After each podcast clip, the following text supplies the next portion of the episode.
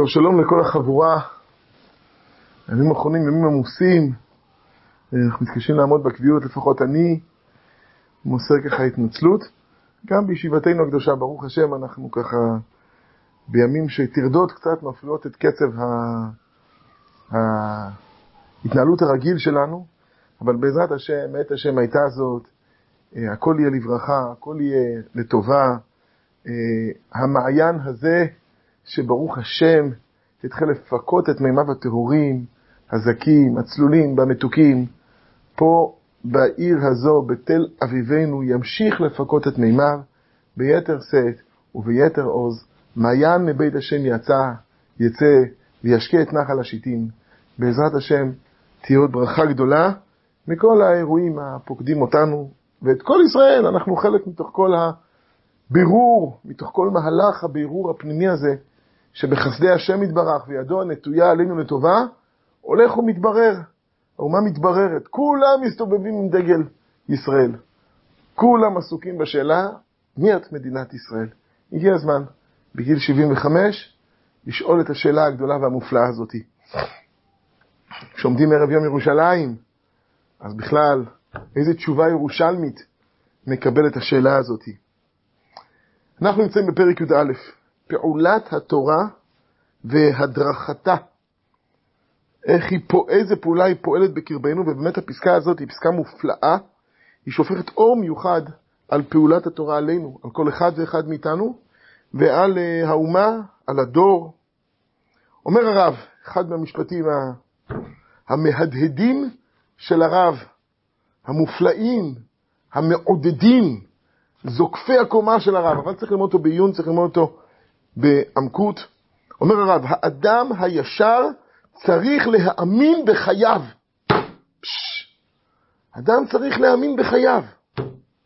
החיים, גילויי הרצון שלהם, השאיפות שלהם, אהבותיהם, זה צריך להאמין שהם נמשכים ממקור החיים, ממקור חיי החיים, ממקור נשמת חיים שבקרבו.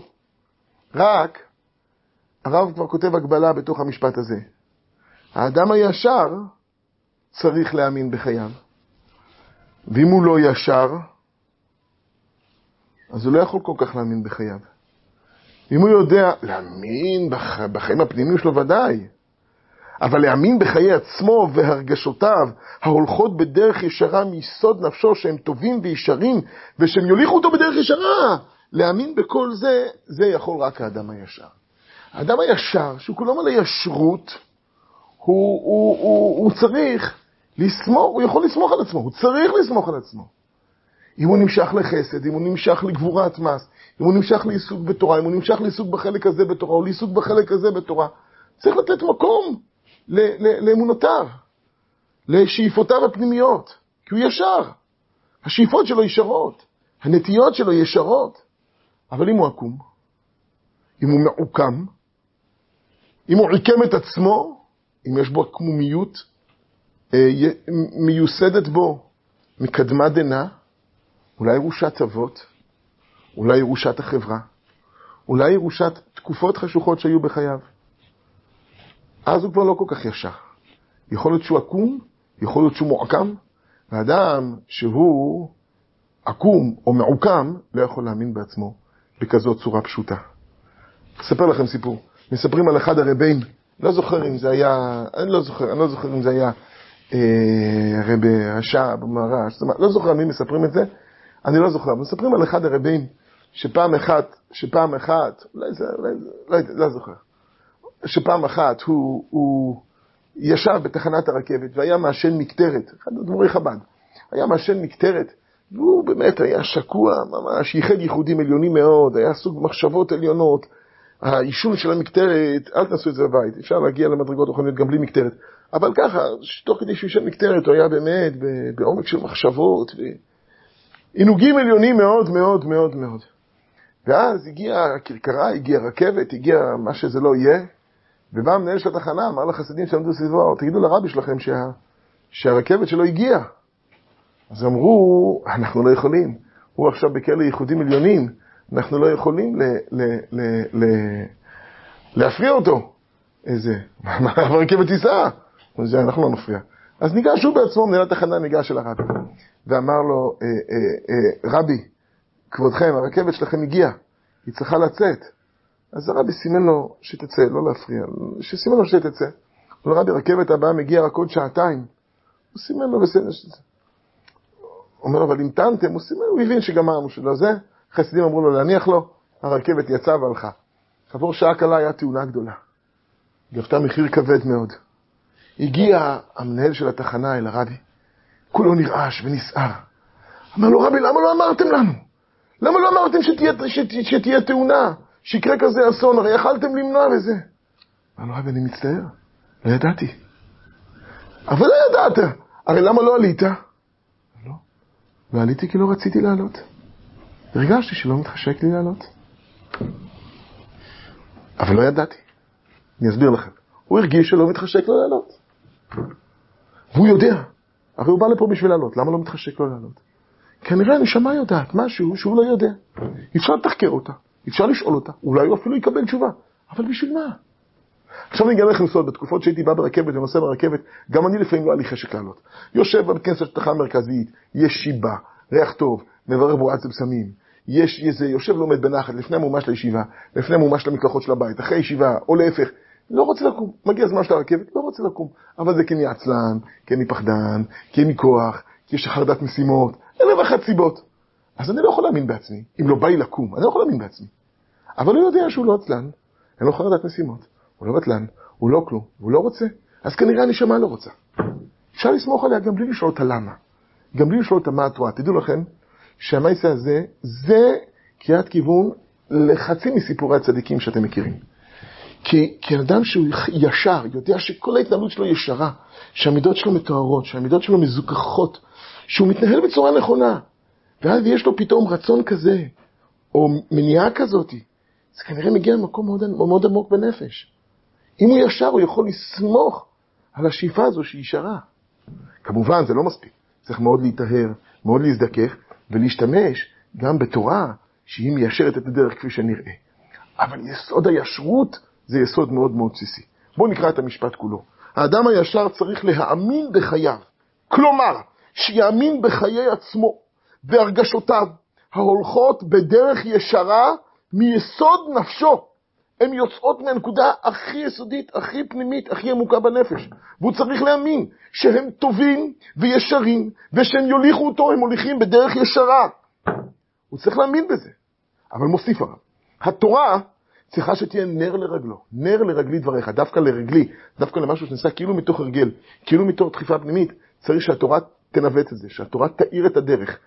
התורה צריכה שתהיה נר לרגלו, א', על ידי התורה בונים את הישרות הזאת, אבל גם בהתנהלות, אחרי שנדמה לך שכבר בנית את הישרות, כי על ידה יראה את המקום ששם הטעות עלולה, שלפעמים תטע הנפש בתוהו לא דרך, היא תטעה בדרך לא נכונה, בדרך של תוהו.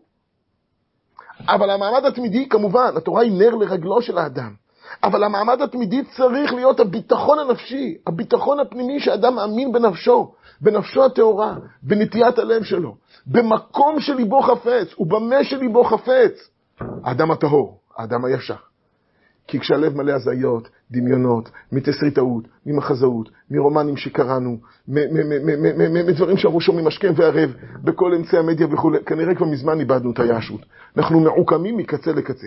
אבל האדם הישר מחויב להאמין בעצמו, ולישרות הזו איננו נשואות. המעמד התמידי, המרכזי, הבסיסי, צריך להיות הביטחון הנפשי. הביטחון שאדם בוטח בנפשו. בנשמתו, באישיותו הטהורה. האיש הישראלי מחויב להאמין שנשמה אלוקית שרויה בקרבו.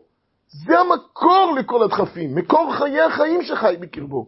הנשמה שבניעה אותו, שעצמותו כולה היא אות אחת מן התורה. אין באותו שישים ריבו אותיות. חצי אות, רבע אות, קוצו של י' שהוא חלק מאלף. אתם יודעים מה זה? בלי הקוצו של י' הזה אין ספר תורה. זה נשמתו. ואות מן התורה, אפילו חלק של אות, היא עולם מלא, והעולם המלא הזה נמצא בקרבו. ההולך ומתרבה לאין שיעור, המלא חיוניות אלוקית, דבר השם, רוח פיו שמחיה אותו, חלק אלוקה ממעל, נשמתו הקדושה. כי אפילו להתפשטות הרוחנית של גרגר חול אחד, גם כן אין מידה וקצב. קצב, ולא יכילו שנות האדם לבאר את כל המון החוקים המיוסדים בחוכמה ומשולבים בדעה וגבורה נוראה שבקרבו של הגרעין חול הזה. כמה מונח בחלקיק. כשהאנושות התחילה להבין מה מונח בחלקיק, ואיך מאיצים חלקיקים, ואיך מפרקים חלקיקים, וואו, מה היא יצרה. איזה עוצמות של הרס וחורבן, של תיקון ובניין, היא מצאה ביסוד הזה. אז זה על גרגיר של חול. קל וחומר נשמתו של האדם היחידי, שהיא חלק אלוקה ממעל ממש. וקל וחומר העם בכללו צריך להאמין באמונה בהירה ונלהבת מאוד בחייו ונטיותיו, וללכת בהם בבטחה. כמה הרב מעורר את האמון של האומה החוזרת לארצה, המשתוקקת לארצה, החוזרת לשאיפות הקודש שלה, הבוחרת בטוב, על פי רוב. אז, כשאדם מבין את זה, כשאדם מבין עד כמה אות אחת מהתורה מפעמת בנשמתו ובונה את כל שאיפות הקודש שלו, עד כמה התורה כולה בונה את שאיפות החיים של האומה, קובעת אותם בצורה ישרה ונכוחה אל נוכח פני השם, מצעידה אותם במסילה עולה בית אל, אז ידע איך משתמשים לאורה של תורת חיים. לא רק בתור תורה שמדריכה את האדם מבחוץ, אלא בתור תורה שמעצימה את תנועות החיים שלו. אל החיים השלמים האלה נשואות עינינו, אל הביטחון הנפשי, הפרטי והציבורי הזה נשואות עינינו, אל התורה הגדולה הזאת, תורת החיים הזו, מסורה עינינו. במחילה אנחנו צריכים קצת לקצר, נעצור פה להיום, נמשיך בעזרת השם מחר.